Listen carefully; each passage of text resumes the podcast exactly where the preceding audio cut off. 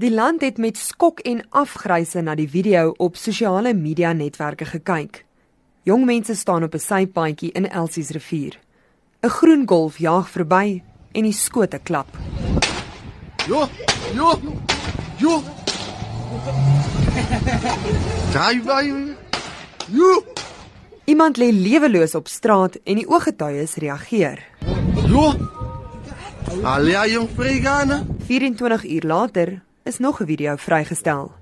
Die keer is die skieter aan die woord en hy verduidelik dat die toneel opgevoer en video opgeneem is om bewustheid te skep en jong mense te waarsku oor die gevare van die betrokkenheid by bendes en misdaad. Niks wat in die video gewys word, het werklik gebeur nie. Dit was nie 'n play gewees. Dit was 'n speling. 'n Speling vir ander youngsters wat nog wil dink hulle wil gangsters wees eendag of wat wat plan is om 'n gangster te word. As jy die moeite weet, nie, ons het maar net gewys hoe vinnig dit is om dood te gaan. En hoe gou dit is. Liewe skot. Die van geskietery en kak. As baat van die man nie. Wat kry jy uit? Niks. sien jy? So mense van Elsies. Julle wat mans wat mans mense groot maak.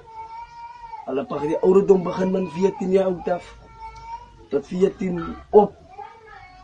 Buig jou laities nog, man, hulle is nog laities. Die minister van polisie, Fikile Mbalula, het in 'n verklaring die video skerp veroordeel.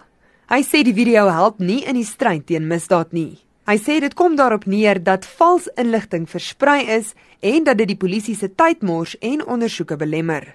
Hy het ook die skeppers van die video gewaarsku dat daar vir hulle nagevolge kan wees in die vorm van aanklagte van dwarsboming van die gereg.